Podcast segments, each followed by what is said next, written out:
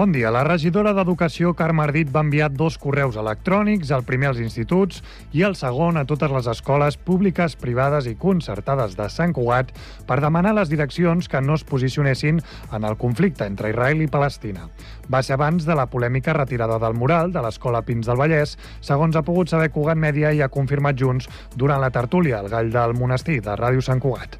En el primer correu, Ardit esmenta que és membre del Rotary Club de Sant Cugat i que un dels objectius d'aquesta entitat, de la qual n'és presidenta actualment, és treballar per la pau.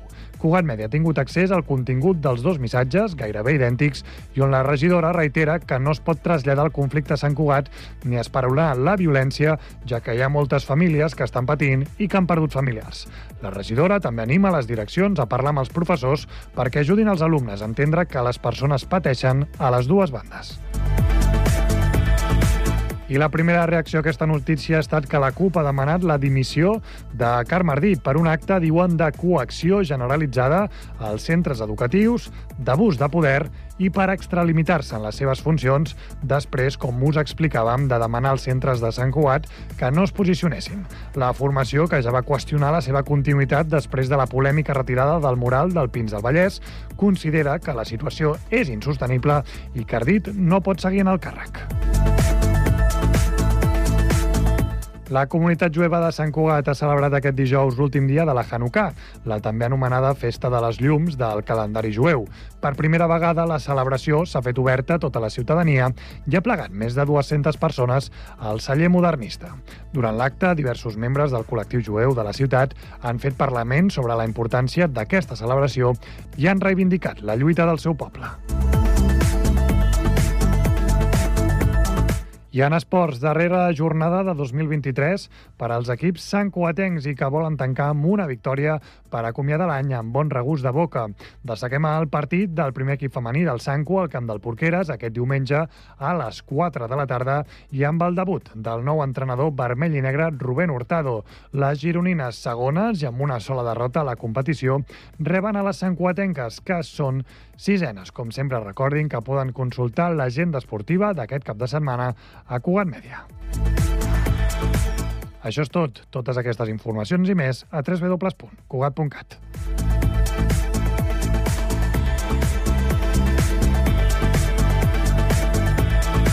Cugat Mèdia, la informació de referència a Sant Cugat.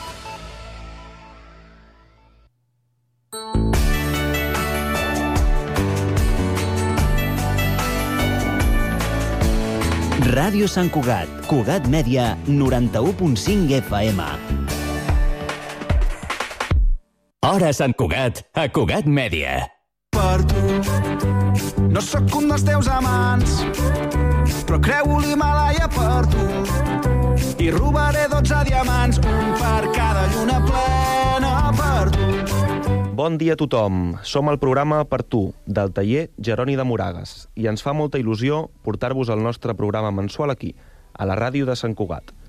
Tinc al meu costat el Marc, l'Helena, el Lalo, el Xavi i el Joan. I tots plegats us portem un programa ple de notícies rellevants i interessants que esperem que gaudiu tant com nosaltres hem gaudit preparant-lo. Comencem, doncs, amb la primera secció del programa, dedicada al propi Jeroni de Moragues. Endavant, Joan. El passat dissabte 25 de novembre va tenir lloc el concert de clams amb la col·laboració d'Arbores Amarillos. Aquest concert va ser l'esdeveniment que va tancar l'últim acte de celebració del 50è aniversari del taller Xeroni de Moragues i podem dir ben satisfets que va ser un èxit. Moltes persones es van apropar a la sala Siglo de Sant Cugat a gaudir d'aquest espectacle trepidant que ens van oferir les dues bandes de música. També volem fer especial menció a la setmana repleta d'esdeveniments que va tenir lloc a Sant Cugat entre el 27 de novembre i el 3 de desembre, en honor al Dia Internacional de les Persones amb Discapacitat Intel·lectual. Alguns d'aquests esdeveniments van ser el torneig de futbol adaptat que va organitzar la penya blaugrana de Sant Cugat i que va tenir lloc al camp de Can Magí, on vam tenir el plaer de participar amb el nostre equip de futbol. També es va organitzar un torneig de bàsquet entre el taller Xeroni de Moragues i Grup Catalònia, al igual que diferents xerrades i jornades interessantíssimes. La setmana va acabar el mateix diumenge 3 de desembre, amb la Fira d'Entitats Socials de Sant Cugat a la plaça Octàvia i amb un fantàstic concert d'Àrboles Amarillos, una sessió de zumba i el show cooking en viu i la lectura del manifest. Recordar també que encara disposem de números de loteria pel proper 22 de desembre, així que no oblideu quedar-vos amb el vostre. Moltes gràcies, Joan. Sincerament, hem viscut unes setmanes molt intenses i plenes d'emocions fantàstiques. Ara donarem pas al Marc i al Xavi amb les notícies d'actualitat.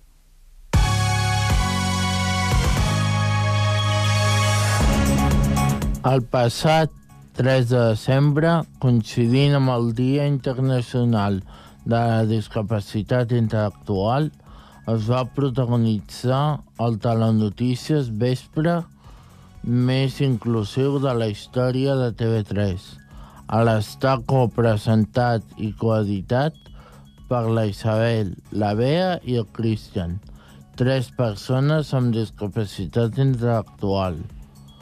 Durant el Telenotícies es va esmentar algunes de les preocupacions i demandes més importants, com la de tenir més participació política i la llarga llista d'espera per poder accedir a l'habitatge.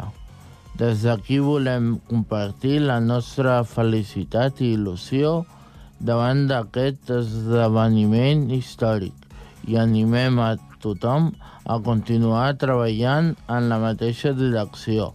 Per l'altra banda, també volem explicar que la Sagrada Família està de celebració i és que el passat 12 de novembre va poder celebrar la seva tradició encesa de llum. Aquesta vegada es van encendre per fi les quatre torres que coronen l'edifici. Aquestes torres ja il·luminen el cel cada dia des de les 6 de la tarda a les 10 de, de la nit fins passades les festes de Nadal cal anunciar també que si no hi ha cap contratemps la obra magna d'Antoni Gaudí estarà totalment acabada al 2034.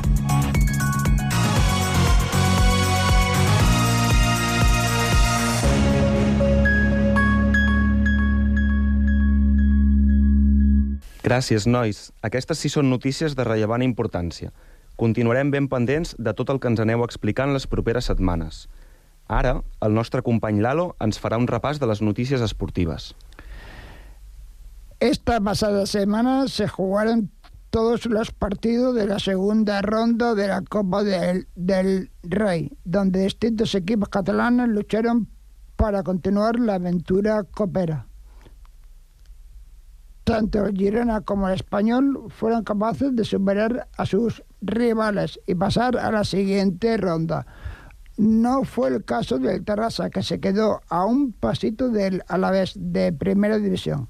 Aún así, se disfrutó de un partido marcado por la gran participación de personas que se aglutinaron en el estadio.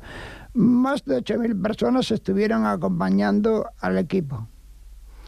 En lo que refiere al tenis, el pasado domingo 26 de noviembre se disputó la final de la Copa Davis 2023, que enfrentó a los equipos nacionales de Australia e Italia, donde Italia se proclamó digno y merecido campeón 47 años después de desde la última vez que levantaron el trofeo, al imponerse con solvencia al equipo australiano. Gràcies, Lalo. Certament han estat esdeveniments molt interessants. Per acabar, el Joan i l'Helena ens faran unes recomanacions cultural per a tenir present aquests propers dies de Nadal. Doncs sí, David, aprofitant aquestes festes que estan a punt d'arribar, us volem recomanar un espectacle de màgia que estarà present fins al 28 de gener al Teatre Victòria de Barcelona. Antonio Díaz, el Mago Pop, torna a Barcelona després de presentar el seu show a la capital mundial del teatre Nova York, on ha deixat a tot el públic bocabadat. La passada nit del 16 de novembre va tenir lloc a Sevilla la, la 20 i quatrena edició de la gala dels Premis Grammy Llatins. Sevilla va acollir per primera vegada a la història una gala que sempre abans havia tingut lloc als Estats Units.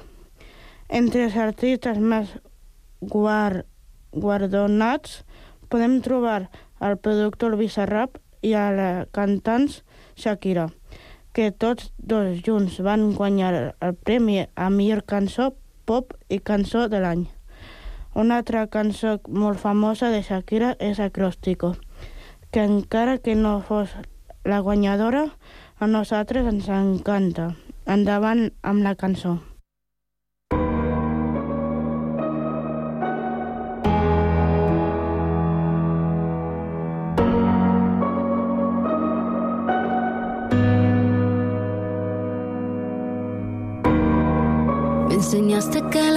Es una estafa y que cuando es real no se acaba. Intenté que no me veas llorar, que no veas mi fragilidad. Pero las cosas no son siempre como las soñamos. A veces corremos pero no llegamos. Nunca dudes que aquí voy a estar. Háblame que te voy a escuchar. Uh, y aunque la vida me tratara así, voy a ser fuerte solo para ti. Lo único que quiero es tu felicidad y estar contigo. Una sonrisa tuya es mi debilidad. Quererte sirve de anestesia el dolor. Hace que me sienta mejor. Para lo que necesites estoy. Viniste a completar lo que soy. Y hasta aquí nuestro programa. Esperamos que os haya gustado mucho y os esperamos con ilusión dentro de unos días. Gracias a todos y feliz fin de semana. Se reparan. Problemas se afrontan y se encaran. Hay que reírse de la vida, a pesar de que duelan las heridas. Se ha de entregar entero el corazón, aunque le hagan daño sin razón. Lo único que quiero es tu felicidad y estar contigo. Una sonrisa tuya es mi debilidad. Sirve de anestesia el dolor. Hace que me sienta mejor. Para lo que necesites estoy. Viniste a completar lo que soy. Sirve de anestesia el dolor hace que me sienta mejor. Para lo que necesites estoy, viniste a completar lo que soy.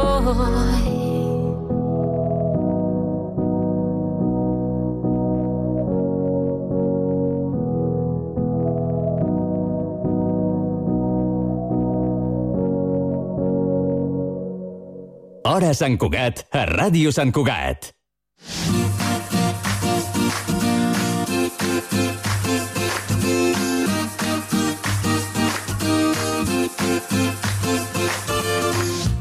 Hola, bon dia. Soc la Brenda, presentat els meus companys i companyes del Centre de Formació de Persones Adultes de Sant Cugat.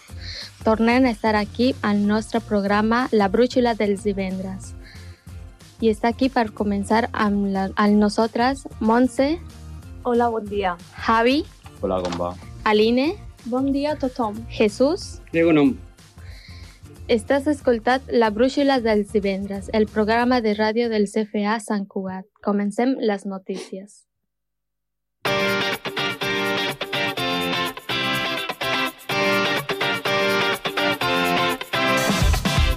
Visiteu una exposició en Tutankamón. El pasado dilluns, dia 9 de novembre, l'alumnat de Yesu i els dos instrumental. Quatre van anar fins al Polinou per a visitar l'exposició del Museu Ideal, una experiència immersiva que ens va deixar flipant. Excursió a la Font Gualba, castellà 2 i anglès 2, van anar fent d'excursió al Collserola. Van agafar el funicular i van a passar el matí compartir bones converses. Elecció al Consell Escolar. La setmana passada es van tancar la elecció al Consell Escolar després de la presentació de candidatures. La Montse, company del grup, formarà part a partir d'ara d'aquest organisme. Felicitats! Gràcies. Competiu al monestir. L'alumnat de Competiu va realitzar una visita guiada al monestir de Sant Cugat amb l'objectiu de, de fer fotos. Després han après com passar les fotos del mòbil a l'ordinador.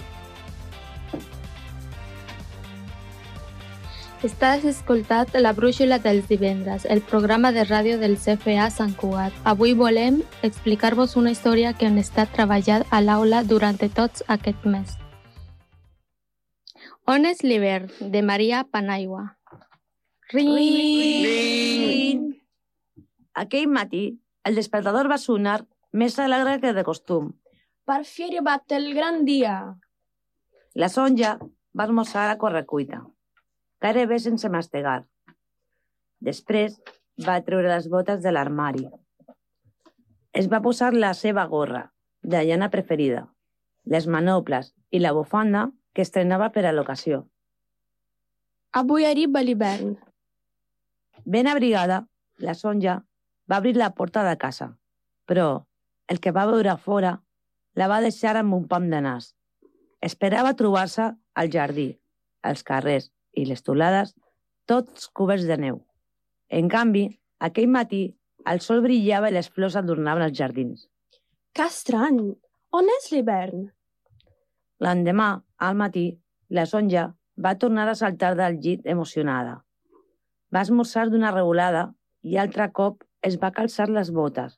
Es va posar la seva gorra de llana preferida, les manoples i la bufanda. Va obrir la porta de casa i vet aquí les flors i un sol radiant. I va passar l'endemà, i l'altre, i l'altre. Tot plegat era ben estrany. L'hivern s'endarreria. Amoïnada, la Sonja va decidir investigar aquell misteri. Primer ho va preguntar a les oques salvatges. Com cada hivern, l'estany es congela i es converteix en una pista de patinatge. Però aquell dia hi va trobar oques nedant plàcidament. Bon dia, oques. Per què on hem pres el vostre viatge cap al sud, com feu cada any? On és l'hivern?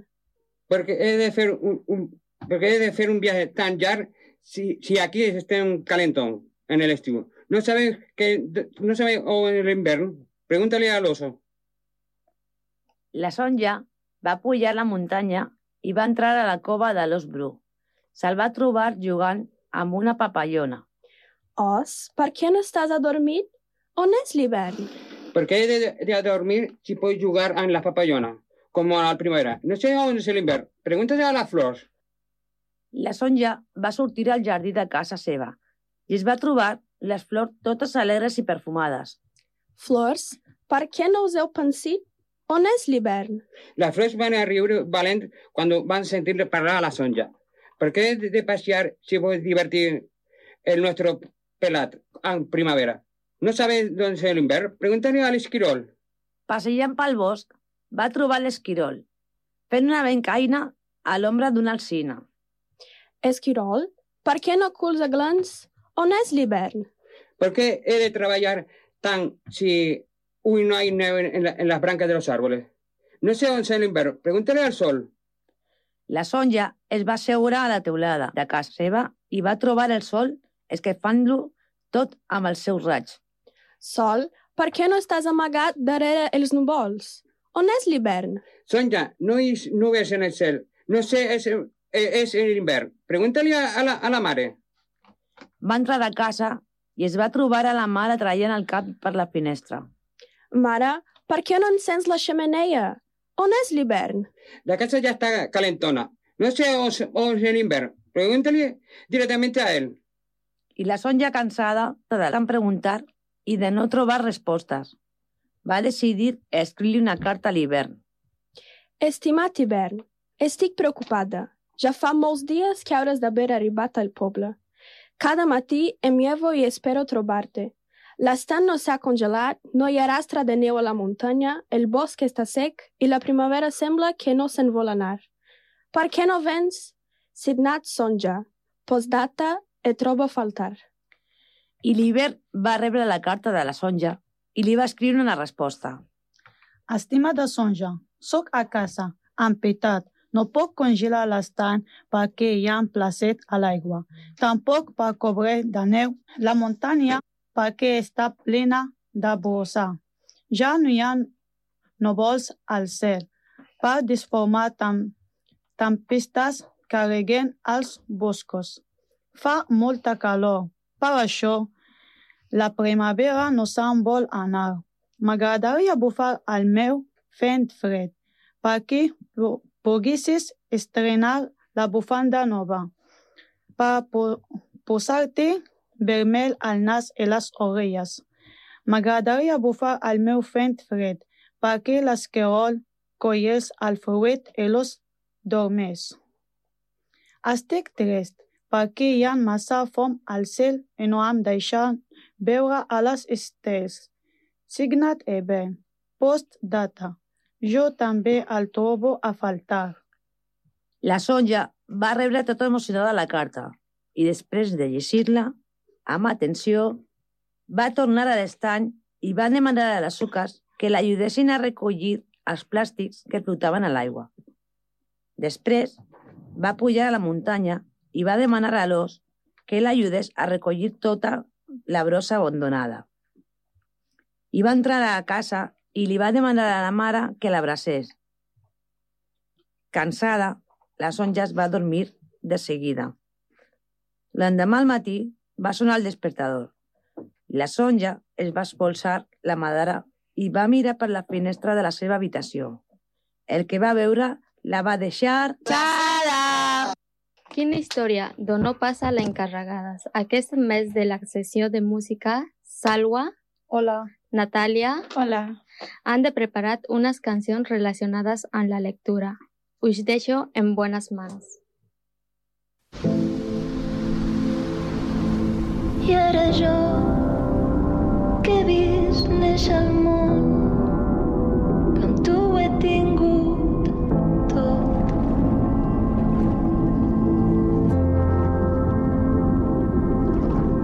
Ara jo, que abraço tantes veus, que el meu batec és teu, sento terror. No entenc. Ha una altra manera de viure. Aquesta canció s'ha escollit per a prendre consciència sobre el canvi climàtic. Estrella Adam va decidir promocionar aquests anuncis quan va canviar la seva política de anilles de plàstic per a unes altres més sostenibles. Igual que aquest llibre és un en explicat, pre pretén conscient del perill de la contaminació.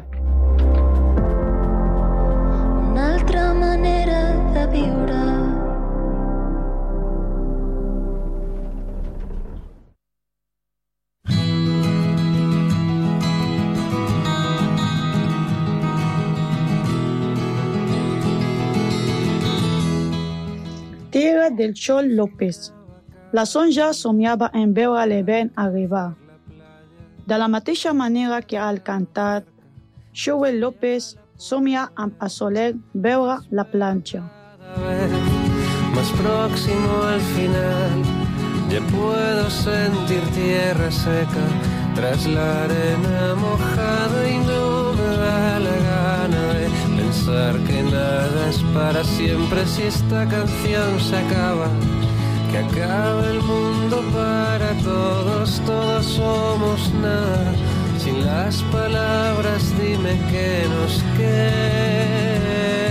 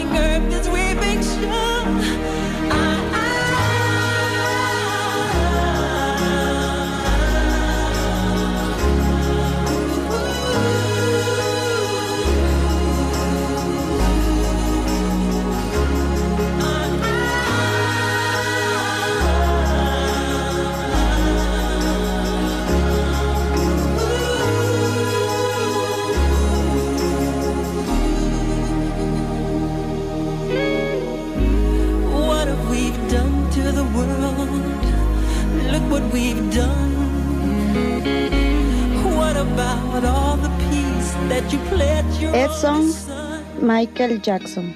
De la mateixa manera que el llibre Michael Jackson parla de la contaminació en aquesta cançó, fa referència a la pluja i a la sequera, dos factors que avui dia preocupen molt. Ja ens agradaria que plorés la terra com diu la cançó.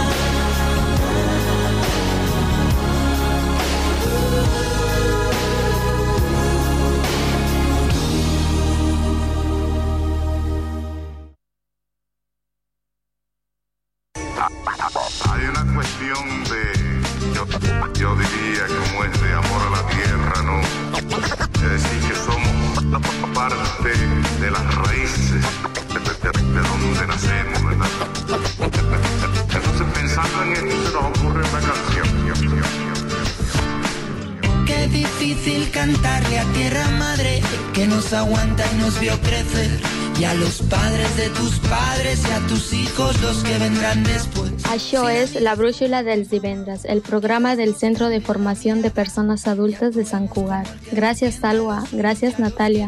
Així amb els altres col·laboradors. Tornem al desembre amb més històries. Us deixem amb Mama Terra Maca. Todo es un ciclo, la tierra, el cielo y de nuevo aquí. Como el agua del mar a las nubes va, llueve el agua y vuelta a empezar. Oye, yeah, yeah, yeah, yeah,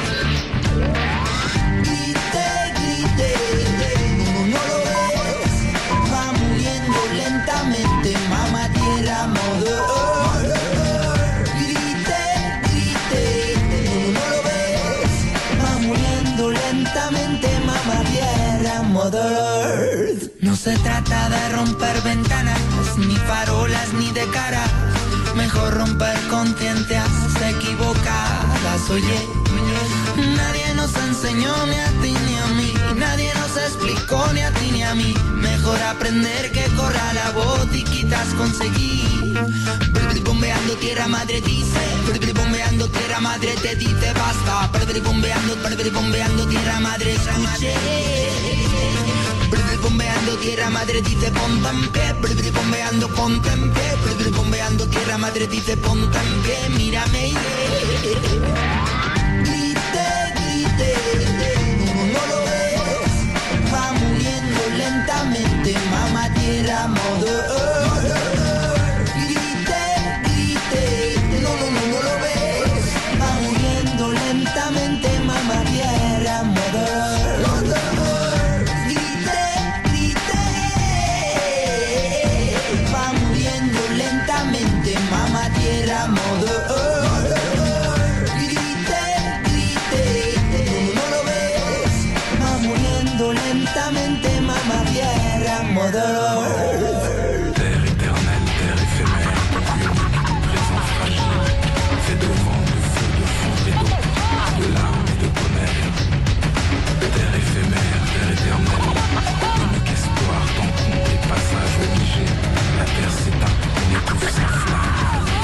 Un mamá reclamó, se la paga la llamó. Y esto no es de hoy, ya tiempos atrás voy hoy, tigre décadas degradando, ya mamá reclamó. Se la paga la llamó, se la venden hoy, de lo que fue a lo que soy, siempre magnifican sus latidos voy. Llaman, llaman, mamá tierra llaman, ya que las manejan sin plan. Demasiadas cavan, otras secan, luego frutos no dan. Llaman, llaman, mamá tierra llaman. Hoy dos sordos les hace el man. Miradas se tapan, contaminan hasta que eliminan. Grite, grite, no, lo ves, va muriendo lentamente, mamá tierra, mother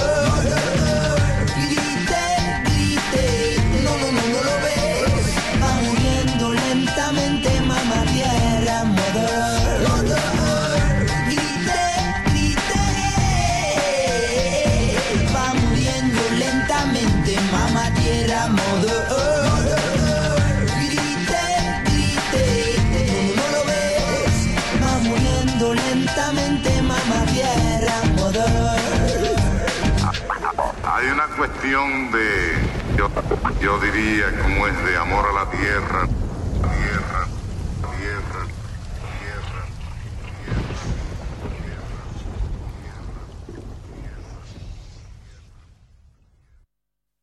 cotxe de carreres, un patinet, un metge de cadells... Una pilota de bàsquet, una videoconsola. Aquestes festes ens demanem moltes coses. Les nenes i els nens de Nepal només se'n demanen una. L'atenció que necessiten. Col·labora amb la Fundació Vicente Ferrer. Truca al 900 111 300 i descobreix l'extraordinari poder de cuidar. No és el mateix ser els integrants del millor grup de la història que ser el millor grup de la història. Per això, el grup català Occident serem Occident, perquè per continuar assegurant-ho tot, tot i tot, ens havíem d'ajuntar tots, tots i tots. Entra a seremoccident.cat. Música a Ràdio Sant Cugat.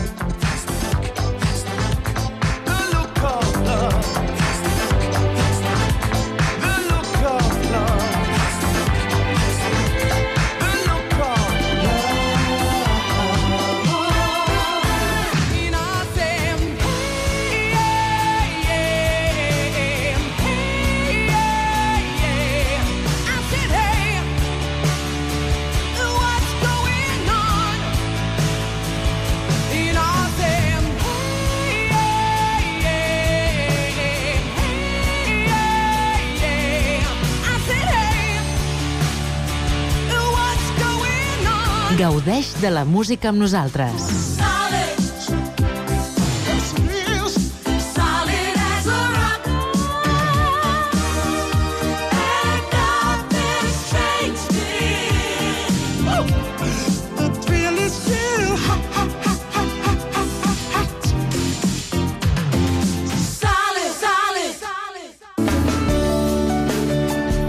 Ràdio Sant Cugat.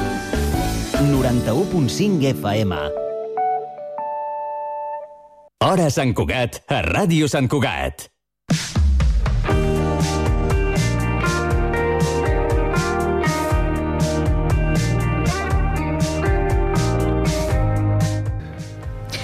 Parlar de l'Olímpic Floresta no és únicament parlar de futbol sala. Quan ens referim a aquest club eh, de Sant Cugat, també parlem d'una entitat completament integrada al barri i d'un sentiment, l'orgull florestà. Camí dels 50 anys de trajectòria, avui passa pel Connectats el seu president, l'Àngel Ruiz. Àngel, bona tarda. Bona tarda. Eh, expliquem una mica quin és l'origen de, de l'Olímpic Floresta, que a veure, dins del món de l'esport tothom el coneixerà perquè sou un club que us dediqueu a la pràctica del futbol sala. Uh -huh, és així, sí, sí. I com neix?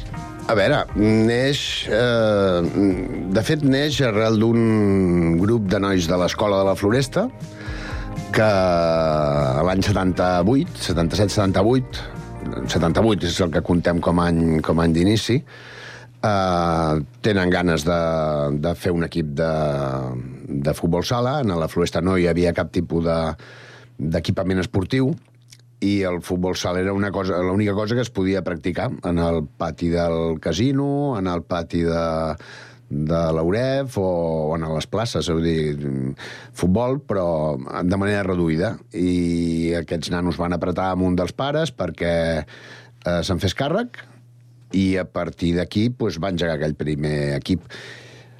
Uh, al cap de res es va anar incorporant gent, l'equip uh, es va federar bastant de pressa, amb categoria juvenil, i la cosa va anar creixent perquè al darrere d'aquest equip s'hi van afegir altres nanos i, i poquet a poquet es va anar, es, anar fent, es, es va anar fent una base i es va anar creant un club. Mm -hmm. Des de quan estàs tu amb, amb l'Olímpic? No com a president, sinó quan, quan comença la teva vinculació amb el club? Jo vaig jugar en aquell primer equip federat. Vas jugar en el primer equip? Amb 14 anys, sí, sí, sí. Clar, perquè tu has sigut primer futbolista, no? primer esportista, sí. i després te n'has fet càrrec de... Bueno, he fet tots els papers de l'AUCA, que es diu, perquè jugador, després entrenador, després Correcte. passant per la Junta, i ara de president ens anem aquí agafant càrrecs. Vull dir, és una associació que funciona tota amb voluntariat, que la Junta són exjugadors eh, o, o pares de jugadors, és la, l'associa, una associació d'aquestes típiques que funciona, que se retroalimenta a si mateixa amb la gent que, que va fent passos endavant o que va, o que va agafant responsabilitats. Doncs escolta, qui millor que tu per explicar-nos com, eh, com ha evolucionat eh, aquesta entitat. Així, a grans trets, eh, neix en aquesta escola, l'escola La Floresta, es fa un equip eh, federat en categoria juvenil, però després la família es comença a fer, es comença a fer gran, no? Sí, sí, sí, sí. Uh, al cap d'uns anys uh, vam arribar a un acord amb, un, amb gent de Barcelona que es deien graduados uh, i, i es van com agrupar amb nosaltres. Nosaltres uh, en aquella època jugàvem a juvenil i sènior a la vegada perquè, perquè aquest, aquest grup es va associar amb nosaltres i al darrere ja es van anar creant algun equip de, de categoria eh, inferior, de categoria eh, cadet o, o quan nosaltres ja vam deixar de ser juvenils van passar a crear un, altre, un nou equip juvenil i miqueta en miqueta la cosa va anar, va anar creixent eh, de manera espontània, o sigui, no, no, no s'estava buscant eh, de quina manera ampliaríem el club, sinó que la gent es va anar apuntant i... i O sigui, va ser un creixement natural. Sí, sí, sí, sí, sí. O sigui, la cosa funcionava, nosaltres ens ho passàvem molt bé, els que venien al darrere ens miraven i volien també participar, i, i, i així vam anar creixent. Vam, vam estar bastants anys que el club no tenia totes les categories, que ara, doncs ara tenia infantils i l'any següent no en tenia, fins que va arribar un moment on la cosa va quedar ja estructurada i amb una mica de, de cara i ulls d'entitat una mica més, eh, més sèria, entre cometes. Ara teniu totes les categories, no? Sí. Sí, ara tenim totes les categories. Comencem des de prebenjamins, venia una escoleta, encara, fins i tot per sota dels prebenjamins, fins a sènior, i tot això en categoria, tot això en masculí. La base és mixta, i com a sènior només tenim un equip femení. Femení sí que no hem pogut crear una base sòlida al darrere del, del primer equip. Uh Uh -huh. eh, per tant, quanta gent formeu part actualment de l'entitat? Ara, aquest any, jugadors hi ha entre 180 i 190 jugadors, aproximadament. Uh -huh. I al darrere totes aquestes famílies, no? Sí, sí. I pràcticament la majoria som del barri de la Floresta, que és un barri de Sant Cugat, eh, però que està a uns 5 quilòmetres del centre de Sant Cugat, vull dir que estem relativament aïllats. És un barri d'unes 4.500 persones, una cosa així, que, que, bueno, que té mèrit de reunir 180 jugadors eh, en, en, un, en un barri petit, diguéssim. I tant, i després de tants anys mantenir tot aquest eh, eh, esperit que s'ha anat eh, consolidant, com dèiem al principi, amb aquest sentiment de pertinença a, a la floresta, no? Us sentiu especials? Sí, uh, bueno, això és una cosa molt florestana, eh? Aquest mateix aïllament que tenim i les Uh, tal com és la Floresta, que estem al mig del bosc, que és un lloc que és molt humit, que fa fred a l'hivern, déu nhi molts anys entrenant en pistes exteriors i aguantant i, i anar creixent a poquet a poquet ens fa fer, ens fa fer molta pinya entre nosaltres. És, de fet, no només en el, en el nostre club, eh? La, en el barri hi ha molta, hi ha molta eh, associació diversa d'altres àmbits i el fet de fer pinya i de fer barri és molt, molt normal. Mm -hmm. Eh, del Barça es diu que és més que un club, però aquest lema també es pot aplicar perfectament a, a l'Olímpic, perquè, com tu deies, eh, feu barri, cohesioneu el barri de, de la Floresta a través de mm, moltes altres activitats que no tenen a veure exclusivament amb el futbol sala no? És així, la veritat, sí, perquè nosaltres ens ho creiem, o sigui, el, nosaltres formem part del barri, som uns actius del barri, eh, un actiu del barri, nosaltres intentem participar en totes aquelles activitats que, que puguin eh, fer millorar el barri, volem que eh, doncs, no sé, en, eh, estem amb activitats, bàsicament amb activitats amb canalla, eh? tenim bastanta relació amb l'escola, participem del Consell de Barri, de la Comissió Educativa de Barri, intentem participar en... Festes majors, festes majors cavalcades... cavalcada de Reis, ara mateix es farà també la, la, la recollida de joguines de cara, de cara als Reis Uh, amb tot això intentem participar perquè nosaltres som part del barri i com a part del barri doncs, ens hem d'interessar que el barri millori i en que el barri estigui bé. De fet, la nostra canalla volem que estigui el millor possible, per tant hem de participar en el barri. És és obligatori. Uh -huh. Abans parlaves d'aquesta distància que hi ha de la Floresta al centre de, de Sant Cugat. Eh, quina ha estat la vostra relació amb, amb, amb Sant Cugat i, i amb el, el, altres entitats esportives de, del municipi? Doncs la relació... mm, A veure, no hem tingut mm, mai cap problema amb, amb la resta de, de, de clubs de Sant Cugat. El que passa que sí que som un club una mica diferent per aquesta eh, especificitat d'estar apartats, eh, relativament apartats. Però bueno, nosaltres quan a la Floresta no teníem cap tipus d'instal·lació i eren pocs equips en l'Olímpic, eh, els entrenaments els havíem de, de venir a fer aquí eh, al centre de Sant Cugat mm. i havíem de jugar en el pavelló de Sant Cugat perquè el primer equip el tenim en una categoria nacional on és obligatori un pavelló i unes condicions de joc específiques i vam estar molts anys jugant en el, en el centre de Sant Cugat fins que es va aconseguir que ens fessin un pavelló municipal a la Floresta. Uh, la relació que hem tingut aquí, amb la resta d'entitats és una relació cordial. També participem en la coordinadora d'entitats esportives de Sant Cugat i, i la relació és correcta.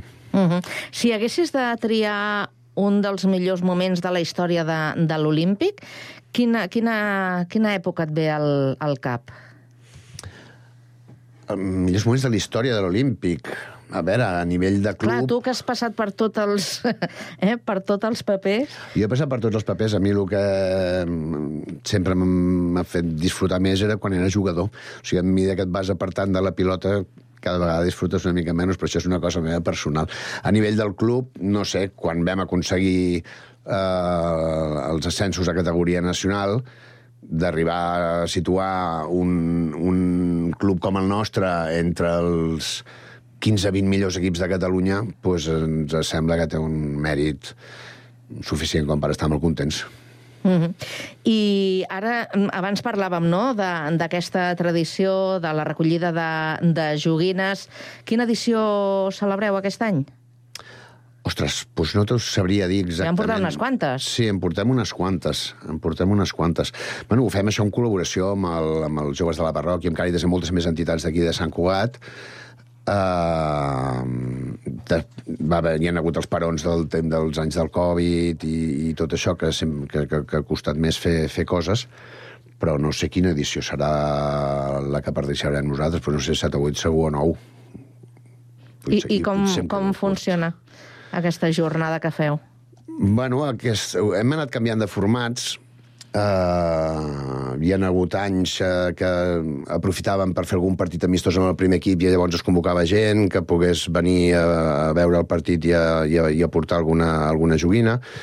Mm, altres vegades ho hem fet mm, en el, en el centre de, de la floresta, buscant un local en allà per fer participar no només en, els, en la gent de l'Olímpic, sinó al barri sencer.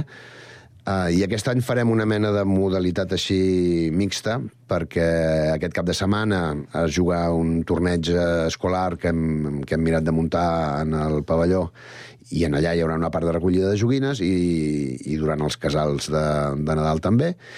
I mantenim el, el local aquest en, els, en la plaça de l'estació, on també els, la resta de veïns que no siguin tan futboleros doncs també poden, poden passar per allà i deixar, i deixar alguna joguina. Si parlem de valors, els valors de, de l'Olímpic eh, es mantenen, podríem dir, l'essència intacta des del seu origen fins a, fins a dia d'avui? Sí, sí. Els valors més bàsics, sí. El que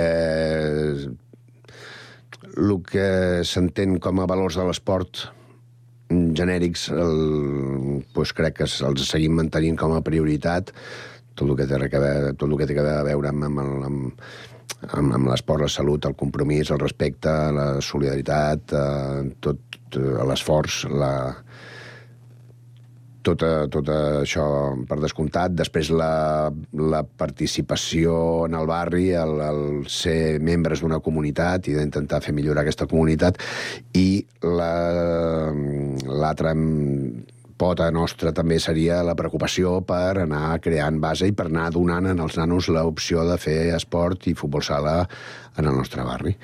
I això ho vam començar-ho així i continuem igual. La veritat és que continuem igual.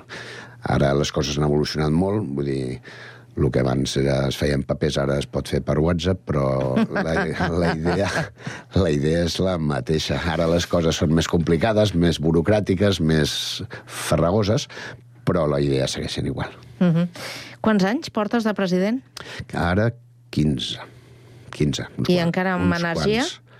Sí, perquè si no hauria de plegar. Uh, no, a veure, ja tocarà el dia que toqui, però, però si estàs aquí, tu t'hi has de posar. Uh -huh. Deia que eh, aneu camí del cinquantenari. Uh -huh. No queda mm, massa anys. Eh, com t'imagines el club quan arribi aquest moment? pues jo espero que s'assembli al, al, al que tenim, més consolidat, havent pogut tenir tots els, tota l'estructura man, ben mantinguda, que els nanos puguin progressar des de petits fins a grans, mantenir el primer equip amb un molt bon nivell i a veure si tenim eh, una mica més de traça o sabem enfocar una mica millor la part femenina del club, que és el, la coseta que ens falta acabar de polir, i, i, i, i amb això jo estaria la mar de content. I t'hi veus eh, presidint aquest cinquantenari? Ui, encara queden 4 o 5 anys. Uh, no hi he pensat en això, no, no. Es, espero estar per disfrutar-ho. Ara, eh, no, sé, no sé amb quina, no sé amb quina feina em tocarà en aquell moment.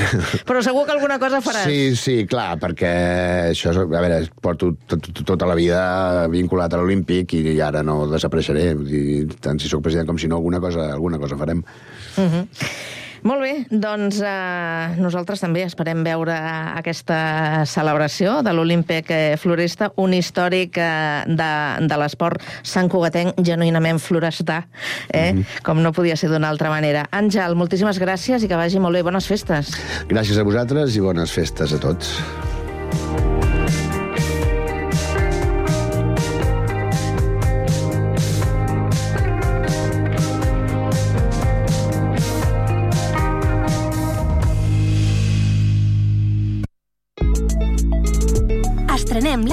Del Picalletres. Paraules i jocs lingüístics per a tothom. Descarregueu-vos l'APP a Google Play o a l'App Store i comenceu a jugar. Ja tens Sant Cugat a la butxaca? La targeta de punts de més de 80 botigues de Sant Cugat. Si no és així, sol·licita-la a les botigues adherides i aconsegueix un munt d'avantatges. Descomptes, obsequis, promocions especials, barrets de la nit en blanc i... No ens podem allargar tant. Consulta www.santcugatalabutxaca.cat. Ara també utilitza la teva targeta al Mercat de Torreblanca. Tots sabem que Sant Cugat és una ciutat molt activa i cada dia es fan moltíssimes activitats. No et perdis les que t'interessen. Cugat Mèdia adapta l'agenda a tu perquè gaudeixis de manera fàcil i senzilla les activitats de Sant Cugat. Els filtres de cerca de la nova agenda et permeten trobar ràpidament l'activitat que busques per tipus, cultura, música, infantil, esports, per localització, data i preu. Fes la teva cerca des de l'ordinador o al mòbil a www.cugat.cat barra agenda i incorpora directament al teu calendari les activitats que no et vols perdre. L'agenda de Cugat Mèdia és la més completa de Sant Cugat i ara també la més útil.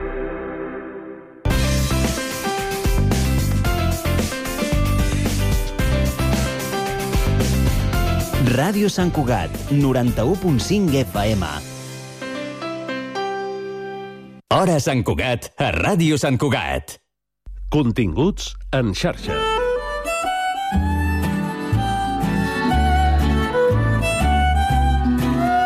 Ja fa setmanes que el debat sobre l'ús del mòbil en l'adolescència està sobre la taula. És un dels temes més calents segurament entre la comunitat educativa a Catalunya, també més enllà de les nostres fronteres. Però avui nosaltres tenim el plaer de compartir uns minuts amb un dels portaveus de la campanya Adolescència Lliure de Mòbil. És Xavier Casanova. Xavier, benvingut. Com estàs? Hola, molt bé. Moltes gràcies per convidar-me. A tu avui amb nosaltres, perquè déu nhi la revolada que ha agafat aquesta qüestió. El debat és cert que no és nou, però què us ha empès a mobilitzar-vos d'aquesta manera ara?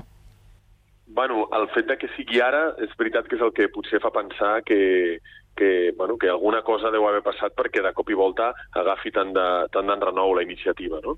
De fet, eh, el grupet de pares que va impulsar aquesta iniciativa eh, són pares i mares del Poble Nou, que el mes de setembre, amb l'inici de curs, justament, no? jo crec que hi ha un seguit de notícies que es van acumulant, no? i amb l'inici de curs, eh, un grup de mares dir, bueno, per què no un WhatsApp amb persones que considerin eh, igual que jo, és a dir, com una de les mares, que cal ajornar l'arribada del telèfon mòbil a la vida dels nostres fills. No? Eh, potser hi ha hagut moltes notícies últimament no? que, que ens han advertit dels perills dels mòbils en menors, eh, hi han hagut també, doncs, cada cop més, jo crec que hi ha més evidència científica eh, d'aquests perills, i tot això ha sumat no? i ha muntat d'alguna manera com una espècie de tempesta perfecta perquè ara aquesta iniciativa prengués la, no, la dimensió que, que ha agafat. Quina és o quines són les principals preocupacions de les famílies eh, pel que fa a l'ús dels mòbils entre menors? Mira, el primer de tot, primer de tot que ens n'adonem és que s'ha enquistat una dinàmica eh, que té a veure amb que en el, en el pas de la primària a la secundària, en el canvi de l'escola a l'institut, els pares decideixen donar un mòbil als fills. No, no sabem massa bé per què ha passat això, però l'edat d'arribada del mòbil cada cop és abans. No? Ara, avui mateix, avui en dia, el 85% dels nens entre 12 i 14 anys eh, tenen, tenen un mòbil propi. No? Um, què és el que ens preocupa d'això? Doncs ens preocupa, per una banda, tota una sèrie de dinàmiques que ja coneixem, no? des del ciberbullying, l'assetjament a través de les xarxes socials, també la pressió per la imatge que provoquen les xarxes socials, però sobretot la capacitat d'atracció i d'addicció que tenen els mòbils. No? És a dir, els mòbils eh, generen una dinàmica com una espècie de forat negre en el qual un quan comença a utilitzar-los no se n'adona eh, de les hores que hi passa eh, fins que, fins que se'n desenganxa. No? I per tant ens adonem que els nostres fills estan perdent una gran quantitat d'oportunitats i de possibilitats del que nosaltres considerem que seria una, una bona vida, diguéssim, una vida una vida, pues, no sé, no? La, la que ha de tenir un nen eh, per la d'hores que passen enganxats al telèfon mòbil. La majoria de coses que m'ha anomenat tenen un denominador comú, m'atreveixo a dir, que és la salut mental. Sí, evidentment, evidentment hi ha elements de salut mental molt clars, però no només, eh? no només. Ho dic perquè moltes vegades, quan hem portat aquest debat en l'àmbit de la salut mental, aleshores metges, psicòlegs, eh, diuen, bueno, doncs llavors hem d'anar a millorar l'evidència científica. Evidentment que sí, no? Però també té a veure amb quin és el tipus o la, el, el model de vida que nosaltres volem pels nostres fills, no? Jo no vull un nen eh, que es passi cada tarda dues o tres hores enganxat al telèfon mòbil als 10, 11, 12, 13 o 14 anys. Un nen que jugui, un nen que tingui alternatives, que sàpiga que s'avorreixi, també, no? Eh, és a dir, no només és un problema de salut mental, que també, sinó també és un problema de eh, bueno, quin tipus de vida i d'oci volem per als nostres fills. Mm. Xavier, la solució és que no hi hagi mòbils? És a dir, treure'ls de l'equació o gestionar, potser, la convivència amb el mòbil? Val, doncs aquesta és la pregunta més difícil de respondre, no? i la que ha generat més controvèrsies, evidentment. No? Um, bueno, tenim una tecnologia que jo crec que ens, ens sobrepassa d'alguna manera, és a dir, no sabem controlar-la. Tampoc els adults sabem massa bé com controlar la nostra exposició constant a la tecnologia digital mm -hmm. i necessitem autoregular-nos. No? El problema és que els menors no saben autoregular-se, diguéssim. Necessitem d'aquesta tutela de l'adult per ajudar-li a posar límits. No? Uh, per tant, el, la, la solució és una prohibició del mòbil. Jo crec que sí sí. De quina manera? Això és el que caldria parlar-ne, no? És a dir, una prohibició en molts espais, per exemple, en l'espai educatiu, nosaltres considerem des de la iniciativa que en l'espai educatiu s'ha de restringir al màxim l'ús i l'accés dels telèfons mòbils personals, no? I una restricció en molts altres espais. Quan el nen està jugant amb els amics, quan el nen està fent extraescolars, el mòbil no hi té cap paper a jugar en aquí, no? Això vol dir que hauríem de prohibir el mòbil a nivell de tota la societat? Bueno, no ho sé, això és una pregunta eh, que va molt més enllà. Jo crec que anirem veient al llarg del temps si això és el que realment necessitem. Però en qualsevol cas, el que sabem segur és que hi ha una sèrie d'elements vinculats a la tecnologia digital que han d'estar regulats. No? I un d'ells, per exemple, i molt més clarament, és l'accés a xarxes socials o a quantitat d'informació i pàgines web o pornografia a les quals els menors no haurien de tenir accés. Hi ha una part d'educació de, en, en aquestes noves tecnologies també que s'hauria de potenciar? Home, evidentment, evidentment. En cap moment aquesta iniciativa ha estat en contra d'una afirmació que considera que els nens han de rebre una millor educació digital, evidentment, no? Però és veritat que aquesta educació digital no passa perquè els nostres fills tinguin un mòbil a la butxaca de manera constant o un mòbil propi, no? Creiem que aquest ha estat l'error i que això és el que cal revertir. Cal revertir aquest consens social que suposa que eh, els nostres fills han de tenir un mòbil a partir dels 10, 11 o 12 anys. Això és el que volem nosaltres revertir. Um, això es fa amb educació digital per a les famílies, també, que siguin conscients dels perills i de tot allò que es perden els nens, i es fa educació digital també en els infants. Però no és només un problema d'educació, no? que moltes vegades és un problema d'educació, sí o no, és un problema de prohibició, sí o no. no? L'educació ha de ser-hi en tot moment, però no és només un problema d'educació, és un problema de que aquestes màquines digitals, els mòbils en concret, eh, generen tota una sèrie de dinàmiques que nosaltres considerem que els hi fan més mal que bé als nostres fills. Suposo, i, i m'ho miro des d'una perspectiva de, de, no, de no tenir fills, eh, Xavier? Però imagino que les famílies també uh, us heu d'autoposar o d'autocensurar, d'autoposar límits uh, a l'hora de donar o no un mòbil als vostres fills uh, menors, adolescents, sobretot perquè potser hi ha altres famílies que, que sí que els donen de seguida. No sé si m'estic explicant. És a dir, sí, totalment. el fet de, de, de, de no fer-ho vosaltres, tot i saber que això potser farà que el vostre fill o filla se senti diferent dels que sí que tenen mòbil. Correcte. Eh, d'alguna manera, aquesta iniciativa neix justament per això, neix per empoderar aquelles famílies que han pres l'opció de no donar un mòbil en el pas de primària a l'institut. Nosaltres creiem que aquestes famílies són més de les que realment ens pensem i que d'alguna manera estaven com amagades a l'armari, no? No volíem fer explícit que nosaltres no, no, no tenim intenció o no creiem necessari que el nostre fill amb 12 anys hagi de tenir un telèfon mòbil, no? Que hi ha alternatives, que hi ha altres maneres de fer aquest pas a l'institut i d'acompanyar-los en aquest pas a l'institut. I doncs justament per això, en el moment en què ho posem sobre la taula i veiem que hi ha tanta gent que sembla que sí que també estaria a favor d'això, eh, aleshores ens n'adonem que potser la cosa pot girar-se. Hi ha experiències concretes, hi ha escoles, per exemple, on s'ha fet un compromís entre famílies, perquè al final això, com dèiem, va d'empoderar les famílies, s'ha fet un compromís entre famílies de no donar el mòbil a partir de primer de secundària. Hi ha una escola al Poble Nou, l'escola Montseny, on aquest any, a primer de secundària, hi ha menys del 50% dels alumnes a primer d'ESO tenen mòbil, quan normalment era el 90% els que sí que el tenien. No? Per tant, eh, hi ha un tema de pressió social molt forta, i si nosaltres podem revertir aquesta pressió social i que d'alguna manera es vegi estrany o, o d'alguna manera singular el fet de que un nen de 12, 13 o 14 anys sigui el que tingui mòbil, no? que, que això és el que es vegi com estrany. No no tenir-lo, sinó el fet de tenir-lo, creiem que guanyarem molt en, en qualitat de vida per a